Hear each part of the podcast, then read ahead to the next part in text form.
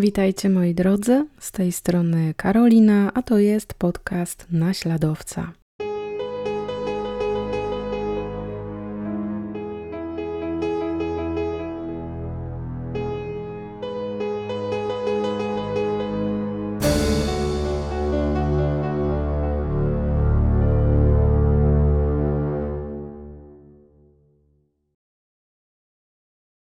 Każdego roku w Stanach Zjednoczonych zgłaszanych jest około 600 tysięcy zaginięć.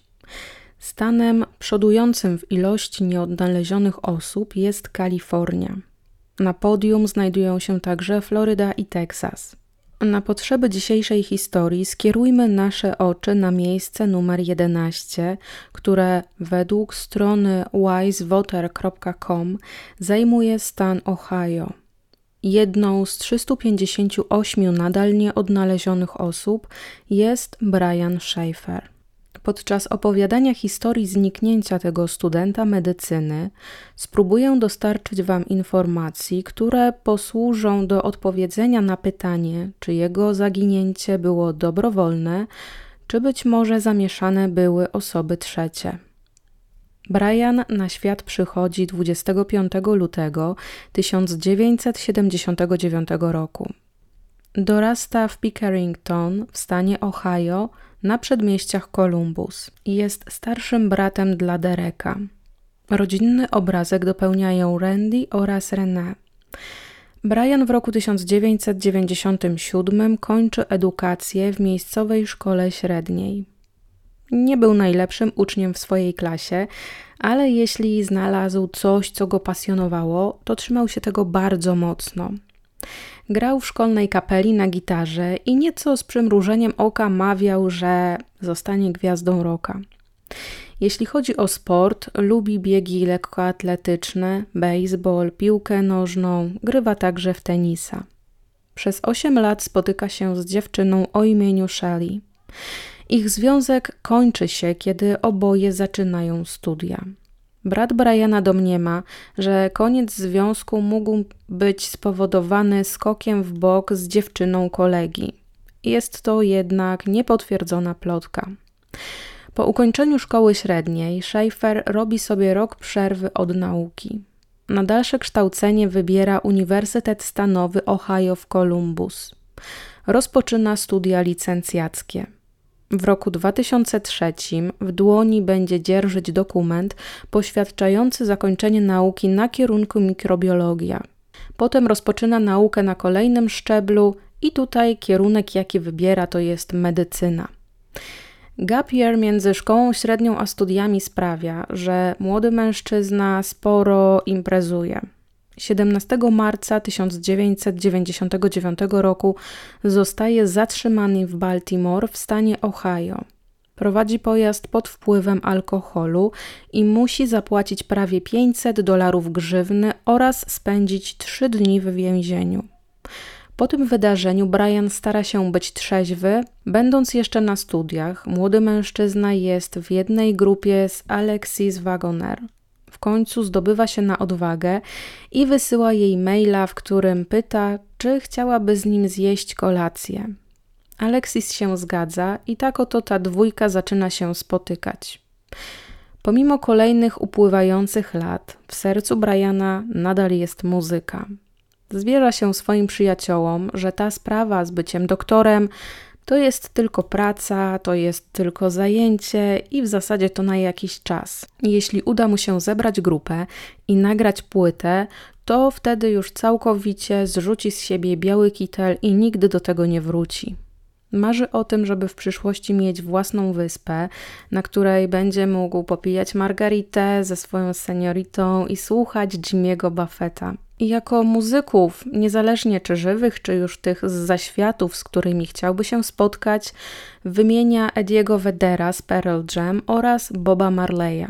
By podkreślić swoją miłość do muzyki grupy Pearl Jam, Brian tatuuje sobie na ramieniu Stickmana. Jest to taka postać, której uniesione w górę ręce tworzą literę V. W roku 2005 pani Schaefer zostaje zdiagnozowany rak piersi.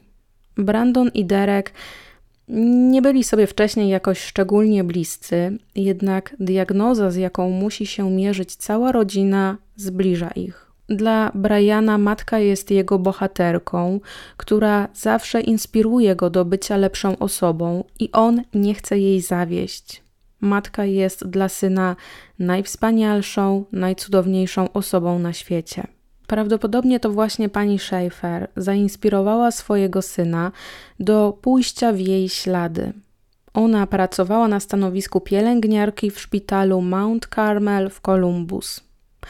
Tego samego roku podczas świąt Bożego Narodzenia René daje Brianowi i Alexis prezent. Jest to wycieczka do Miami. Czas wycieczki zostaje ustalony na e, czas wiosennej przerwy świątecznej. Rodzina i sama Alexis zastanawiają się, czy w tym czasie Brian nie poprosi swojej dziewczyny o rękę.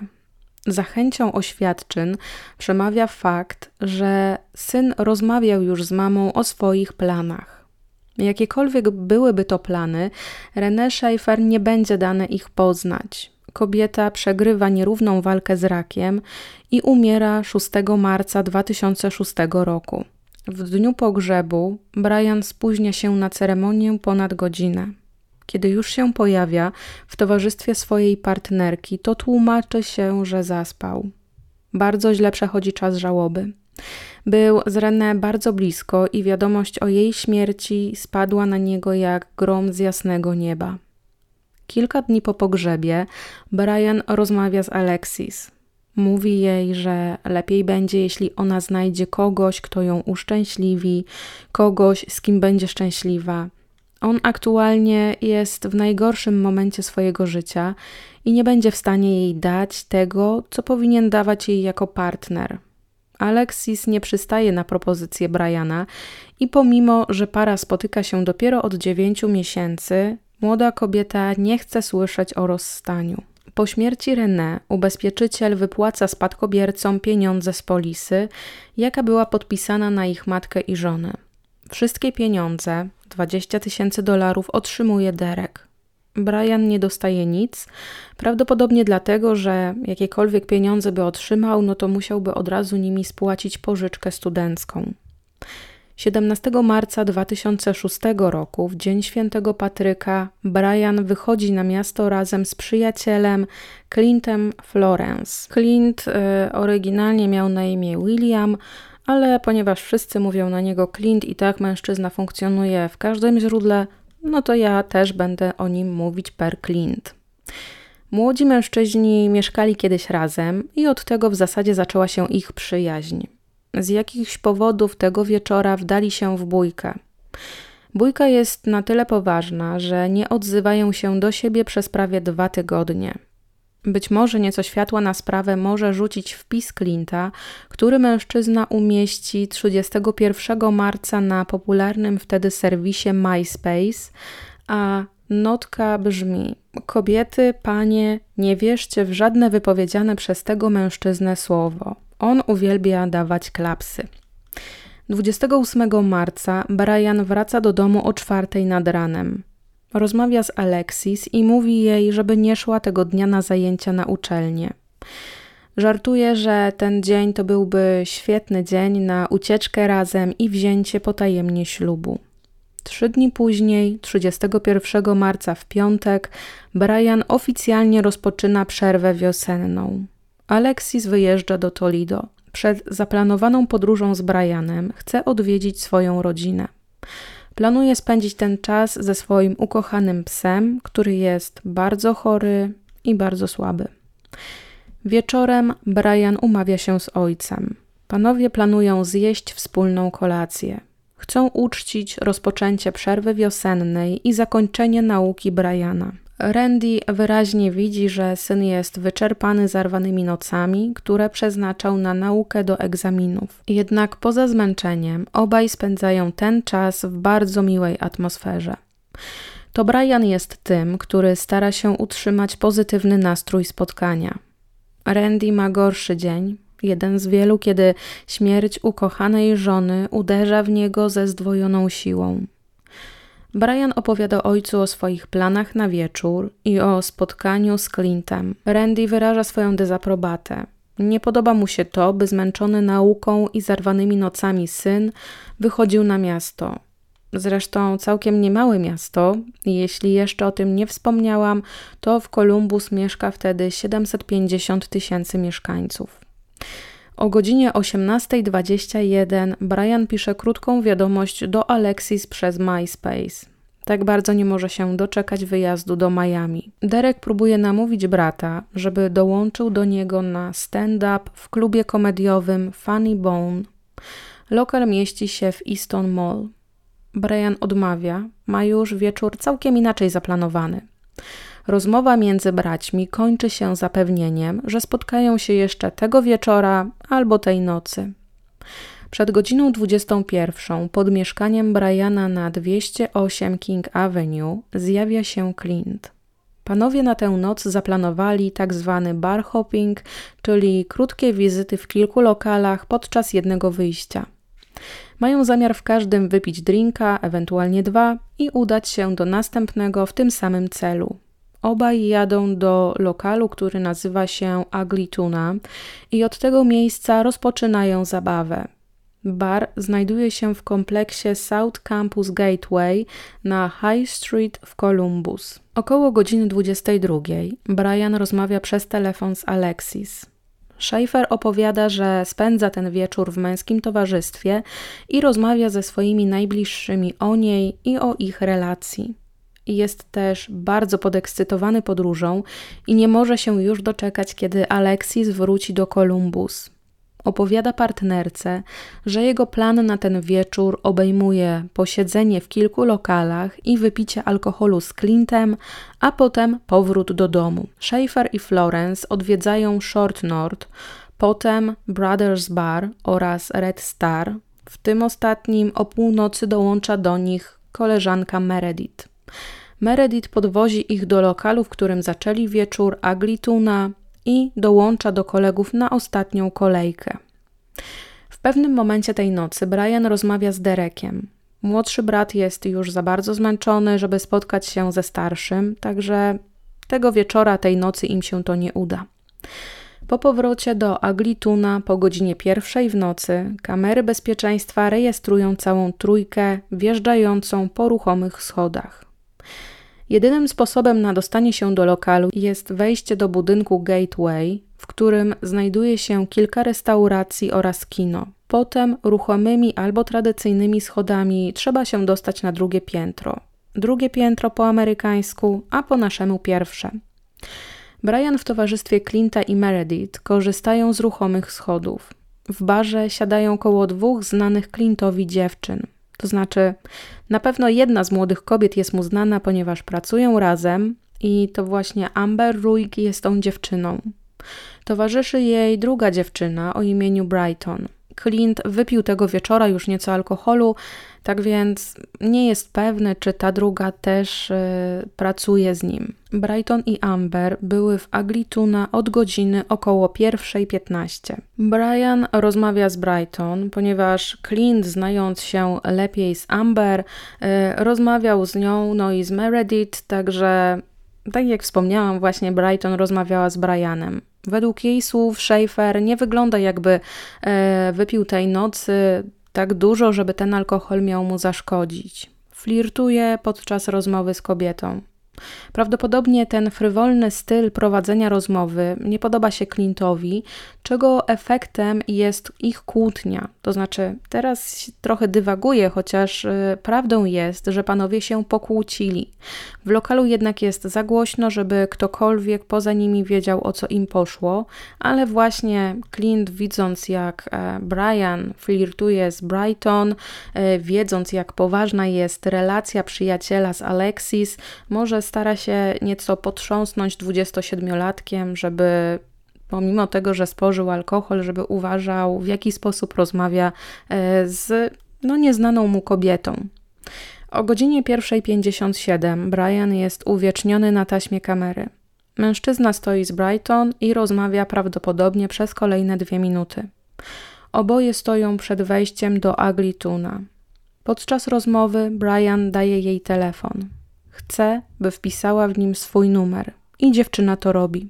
Przed wyjściem z lokalu Brighton musi skorzystać z toalety. Miejsce to znajduje się nie w barze, a obok w takiej wnęce. Z tej toalety mogą także korzystać klienci niewielkiego kina, znajdującego się na tym samym piętrze co lokal. We wnęce znajdują się jeszcze drzwi, które prowadzą do części budynku, która była wtedy remontowana.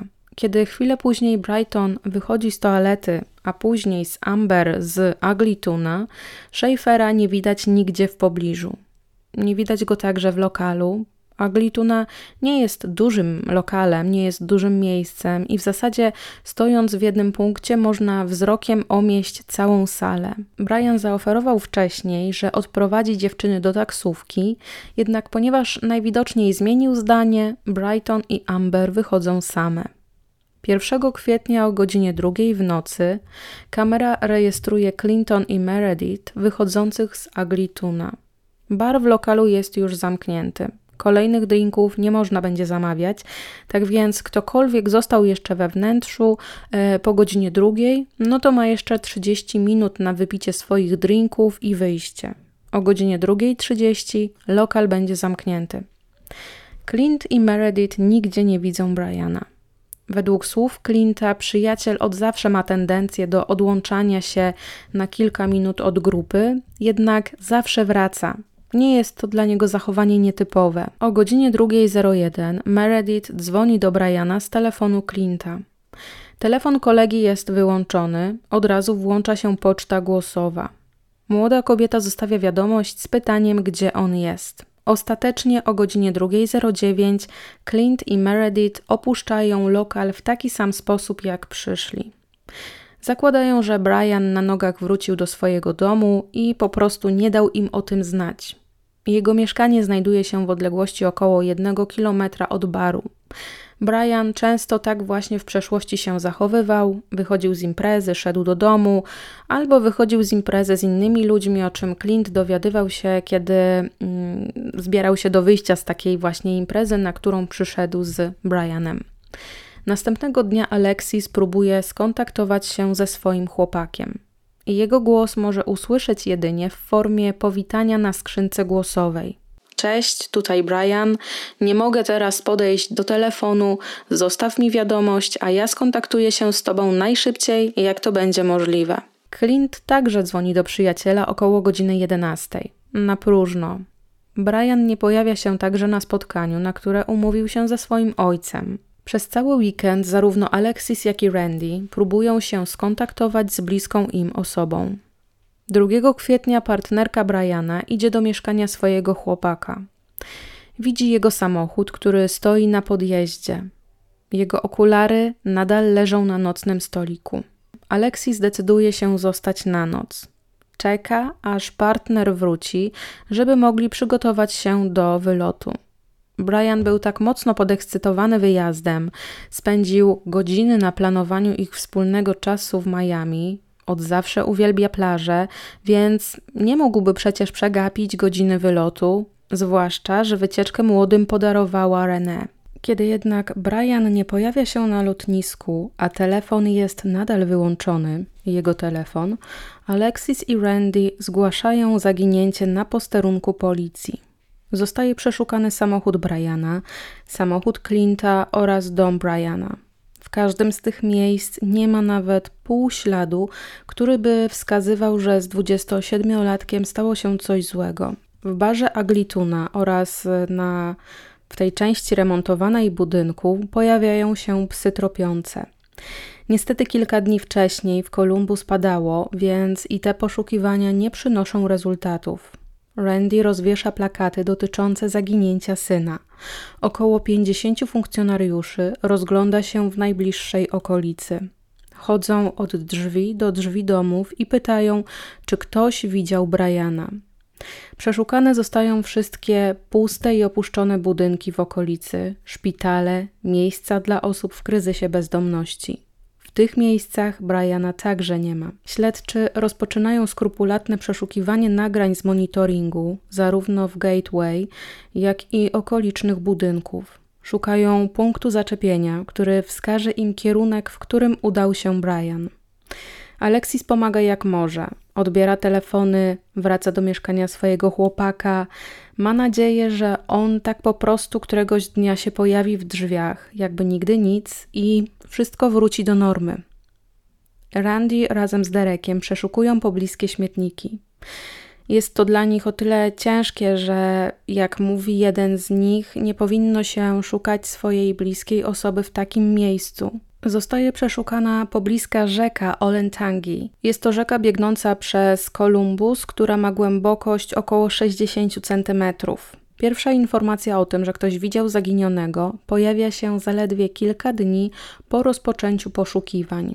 Osobie zgłaszającej wydawało się, że widziała bezdomnego mężczyznę bardzo podobnego do Briana. Mężczyzna ów był widziany w sklepie 7-Eleven. Po obejrzeniu nagrań z kamer umieszczonych w tym sklepie, śledczy wykluczają, żeby to był Brian.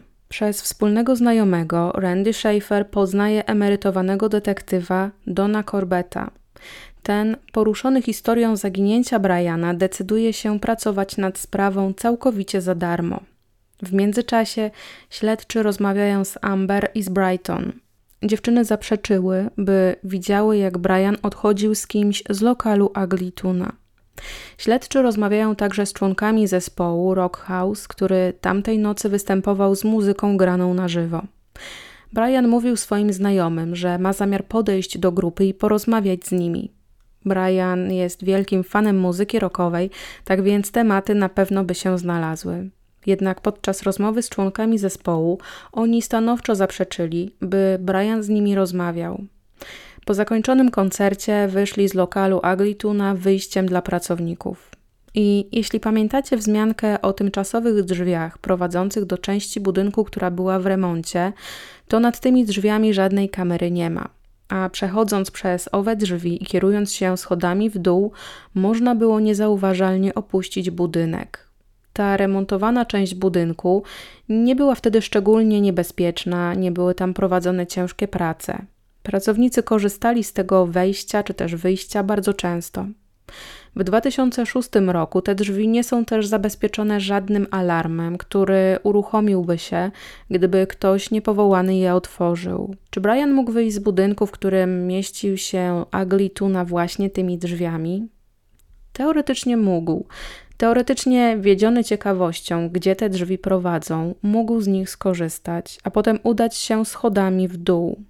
To jednak nie tłumaczy, czemu Schaefer nie został po wyjściu z budynku uwieczniony na żadnej innej kamerze. Kolumbus, w czasie kiedy toczy się nasza historia, jest miastem, w którym przestępczość kwitnie. Zatem nie dziwi nikogo, że kamery monitoringu znajdują się praktycznie na każdym budynku. Myślę, że możemy wykluczyć, że w stanie upojenia alkoholowego i zmęczenia po kilku zarwanych nocach Brian działa tak trzeźwo, że porusza się tylko w martwym polu kamer. Śmierć na terenie budowy czy też utknięcie w ścianie nie wchodzi w grę. Zarówno psy szukające zaginionych żywych, jak i szukające zwłok nie wskazują, żeby jakikolwiek ślad po 27-latku znajdował się właśnie w tym miejscu. Z Randym kontaktują się rodzice innych zaginionych dorosłych ze stanu Ohio. Między innymi rodzice Julie Popowicz wysyłają słowa wsparcia. Julia w chwili zaginięcia miała 20 lat. Ostatni raz widziana była 11 sierpnia 2005 roku, kiedy świętowała urodziny swojej koleżanki z pracy. Jej zwłoki znaleziono prawie miesiąc później. Sprawca tej straszliwej zbrodni zostanie skazany w roku 2007 na do 38 lat pozbawienia wolności. Lori Davis, mieszkanka Columbus, uruchamia i prowadzi stronę internetową poświęconą zaginięciu Briana. 9 kwietnia 2006 roku rodzina i przyjaciele Briana Schaefera oraz rodzice innych zaginionych dorosłych zbierają się w parku w środku kampusu uczelni, aby modlić się za 27-latka. Rodziny zostają skontaktowane ze sobą przez Central Ohio Crime Stoppers. Organizacja próbuje łączyć rodziny, których sprawy zaginięć są bardzo podobne. Randy zwiększa kwotę za pomoc w odnalezieniu syna z 7 tysięcy do 13.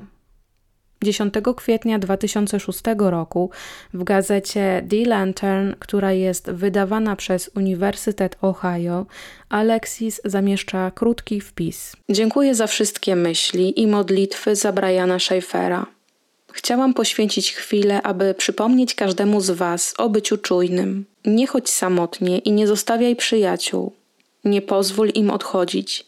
Z całego serca żałuję, że w zeszły piątek nie byłam w Columbus, a w moim rodzinnym mieście. Mogłam być z Brianem, a on mógłby być bezpieczny. Mnie jednak nie było i mam nadzieję, że wszyscy wyciągniecie wnioski z tej lekcji. Samotne przebywanie w nocy nigdy nie jest bezpieczne.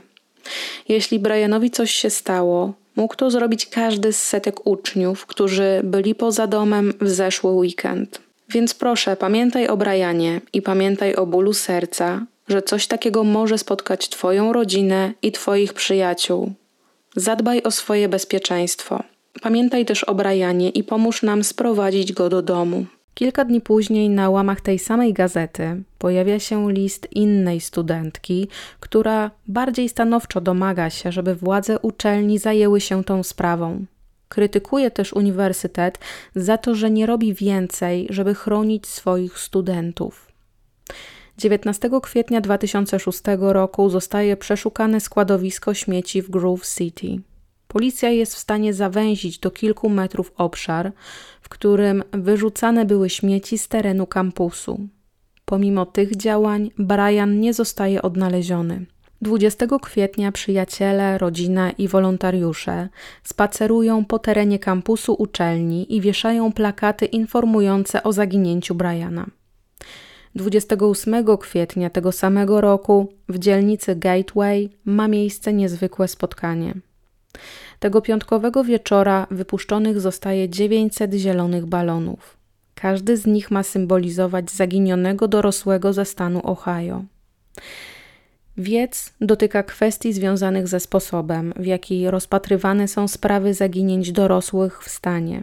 Wiele osób uważa, że policjanci nie przykładali się do spraw zaginięć dorosłych osób z należytą starannością i często takie sprawy były bagatelizowane. Po jakimś czasie informacja o zaginięciu Briana roznosi się poza Columbus i poza stan Ohio. W stanie Michigan pewna dziewczyna miała widzieć Briana. Młody mężczyzna pracował jako kelner i nawet jego plakietka potwierdzała, że ma na imię Brian. Kiedy zaalarmowani policjanci przybywają we wskazane miejsce, okazuje się, że żaden Brian tam nie pracuje. Clint początkowo pomagał w poszukiwaniu w Columbus, rozdawał ulotki informujące o zaginięciu, jednak kiedy śledczy chcieli, żeby wziął udział w badaniu na wykrywaczu kłamstw, ten zatrudnia adwokata. Takie działania przyjaciela syna wzbudzają podejrzenia w Randym. Mężczyzna twierdzi, że Clint coś wie o zaginięciu 27-latka. Ludzie kwestionują przyjaźń między dwoma mężczyznami i wskazują, że wielokrotnie dochodziło między nimi do kłótni. 11 maja 2006 roku o godzinie drugiej w nocy ktoś włamuje się do mieszkania Briana. Nieznany sprawca wynosi telewizor i kilka płyt DVD. Pozostały sprzęt elektroniczny oraz dwie gitary zostawia w nienaruszonym stanie. Ustalono, że włamanie prawdopodobnie nie miało związku ze sprawą. W międzyczasie policja z Columbus informuje o zwiększeniu nagrody za wskazanie miejsca pobytu Briana. Kwota, która mogłaby zachęcić kogoś do przekazania informacji, to aktualnie 100 tysięcy dolarów. Jednak nikogo to nie zachęca do mówienia, więc po kilku dniach kwota wraca do poprzedniej wartości 25 tysięcy dolarów. W maju tego samego roku ginie inny student uczący się na uniwersytecie w Ohio. Kiedy Hiroshi Hayashi nie pojawia się na zajęciach do końca tygodnia i opuszcza spotkania weekendowej grupy dyskusyjnej, rodzina zgłasza jego zaginięcie. Hiroshi nie jest typem osoby, która tak po prostu uciekłaby z domu. Bardzo dużo uwagi poświęca nauce i zawsze trzyma się z dala od kłopotów. Jego rodzina kontaktuje się z Randym Schaeferem. Zastanawiają się, czy ich sprawy są ze sobą powiązane. Jak się później okaże, Brian, Julia Popowicz oraz Hiroshi uczęszczali do tej samej szkoły. 16 maja na lokalny posterunek w Athens w stanie Georgia wchodzi Hiroshi. Miasto oddalone jest o prawie 1000 kilometrów od Columbus. Wyznaje, że został porwany. Kiedy szedł na zajęcia, nieznajomy mężczyzna podszedł do niego i zapytał o drogę. Potem uderzył Hiroshiego w głowę. Kiedy student odzyskał przytomność, jego ręce były związane, a na oczach miał maskę. Znajdował się prawdopodobnie w ciężarówce. Był przetrzymywany wbrew swojej woli przez pięć dni i przewieziony do Atens. Po odczytaniu mu jego praw, Hiroshi wyznaje, że zmyślił całą tę historię. Za swoje działanie zostaje zatrzymany, a kaucja za jego zwolnienie e, opiewa 10 tysięcy dolarów. 18 maja w Fox News Randy udziela wywiadu, w którym opowiada, że Brian nie uciekł z własnej woli. Bardzo dobrze zna Briana jako ojciec, zna jego osobowość, jego podejście do wielu spraw. Brian planował swój wyjazd do Miami, kochał Alexis, być może chciał wykonać kolejny krok, żeby być jeszcze bliżej z kobietą, z którą był już 9 miesięcy. Na koncercie Pearl Jam w Cincinnati członkowie zespołu zachęcają fanów, żeby byli czujni, jeśli zobaczą gdzieś Briana. W międzyczasie umowa najmu mieszkania na King Avenue wygasa z dniem 1 lipca. Alexis, nie mogąc przedłużyć w imieniu partnera wynajmu, umowy wynajmu, musi zabrać jego rzeczy. Po odsunięciu łóżka znajduje słowo alone, samotny, wydrapane na ścianie. 18 sierpnia policja w Columbus udostępnia część nagrania z monitoringu i prosi mieszkańców o pomoc w odnalezieniu mężczyzny w pomarańczowej bluzie, który został zarejestrowany, kiedy wychodził z Aglituna. Jedna z teorii śledczych głosi, że Brian wszedł do baru ubrany tak jak widać na kamerach, na nagraniu z kamer, natomiast opuścił lokal w innym ubraniu. Mężczyzna w bluzie, którego kamery zarejestrowały na wyjściu, lecz nie na wejściu, stał się tym najbardziej prawdopodobnym tropem. Po jakimś czasie mężczyzna zgłasza się na posterunek policji i wyjaśnia, że tamtej nocy wszedł do baru trzymając bluzę w dłoni. Przed wyjściem założył ją. Prawdopodobnie nie takiej odpowiedzi oczekuje rodzina zaginionego. Prawdopodobnie, gdyby wiedzieli, że Brian uciekł i gdzieś indziej zaczyna swoje życie od nowa, byliby w stanie zaakceptować ten stan rzeczy. I jeśli mówimy tutaj o teoriach zaginięcia Briana, to przez długi czas zespół, który grał w Aglituna w tamtą noc, obwiniany był o udział w zbrodni. Mimo, że jak już wiemy, grupa została uniewinniona z podejrzeń, to znaleźli się tacy ludzie, którzy twierdzili, że rozczłonkowane ciało 27-latka zostało przemycone w futerałach na instrumenty. Po kilku miesiącach każda z osób uwieczniona na nagraniu z kamery, wchodząca i wychodząca z baru, została wreszcie zidentyfikowana i wyśledzona. Prawie każda, ponieważ nadal nikt nie ma pojęcia, gdzie jest Brian. Jest dzień 8 września 2006 roku, godzina 23.30. Alexis jak co dzień przed snem o tej godzinie dzwoni na numer Briana. Randy nadal płaci abonament na dane osobowe syna. Do tej pory telefon 27-latka nie został znaleziony, dlatego Alexis ma rytuał codziennego dzwonienia, a Randy co miesiąc opłaca rachunek.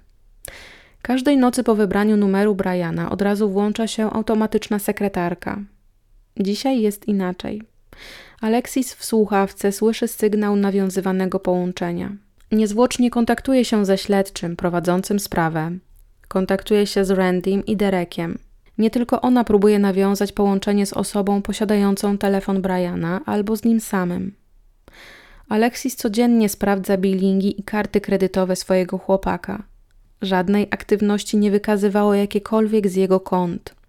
Jeśli ktoś włączył telefon, to nie wykonał z niego żadnego połączenia. Te połączenia zostały później uznane przez operatora telefonicznego za usterkę.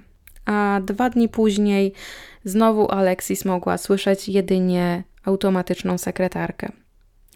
Randy ponownie występuje w Fox News. Otwarcie wyraża swoją frustrację z powodu czasu, jaki upłynął od zaginięcia syna i niewspółmiernej pracy wykonanej przez funkcjonariuszy, żeby go odnaleźć. Prowadzi ekipę telewizyjną do Aglituna. Opowiada o tamtej nocy, pokazując jak syn wszedł do lokalu i jak mógłby z niego wyjść. 7 stycznia 2007 roku gubernator Bob Taft podpisuje ustawę, dzięki której zostają ujednolicone zasady dotyczące sposobu postępowania w przypadku zaginięć osób dorosłych. Według nowych zasad informacja o zaginionej osobie ma się pojawiać w krajowej bazie danych w ciągu tygodnia, jeżeli podejrzewano, że zaginiony mógł paść ofiarą zbrodni. W innym przypadku informacja ta ma się pojawić w bazie danych do 30 dni. Jeśli zostanie znaleziona osoba, której identyfikacja będzie utrudniona, pobrany materiał DNA ma zostać przesłany do biura śledczego w Ohio. Rok po zaginięciu Briana, Alexis napisała na swoim blogu notkę następującej treści. Przyłapuję się na tym, że wciąż patrzę na wszystkich idących ulicą. Mężczyźni z brodami. Próbuję zobaczyć ich profil albo sposób, w jaki chodzą, żeby upewnić się, że to nie Brian. Alexis ma nadal rzeczy Briana w swoim domu i codziennie dzwoni na jego telefon. Dwa lata po zaginięciu jest wreszcie gotowa, żeby ruszyć dalej ze swoim życiem. Decyduje się na usunięcie kącika z pamiątkami po Brianie, który to kącik miała w domu. Dzięki swojej mamie, która postanowiła pobawić się w swatkę, przedstawia córkę Erikowi Nos. Mężczyzna pracował przy budowie jej domu. Oboje wpadają sobie w oko i zaczynają się regularnie spotykać.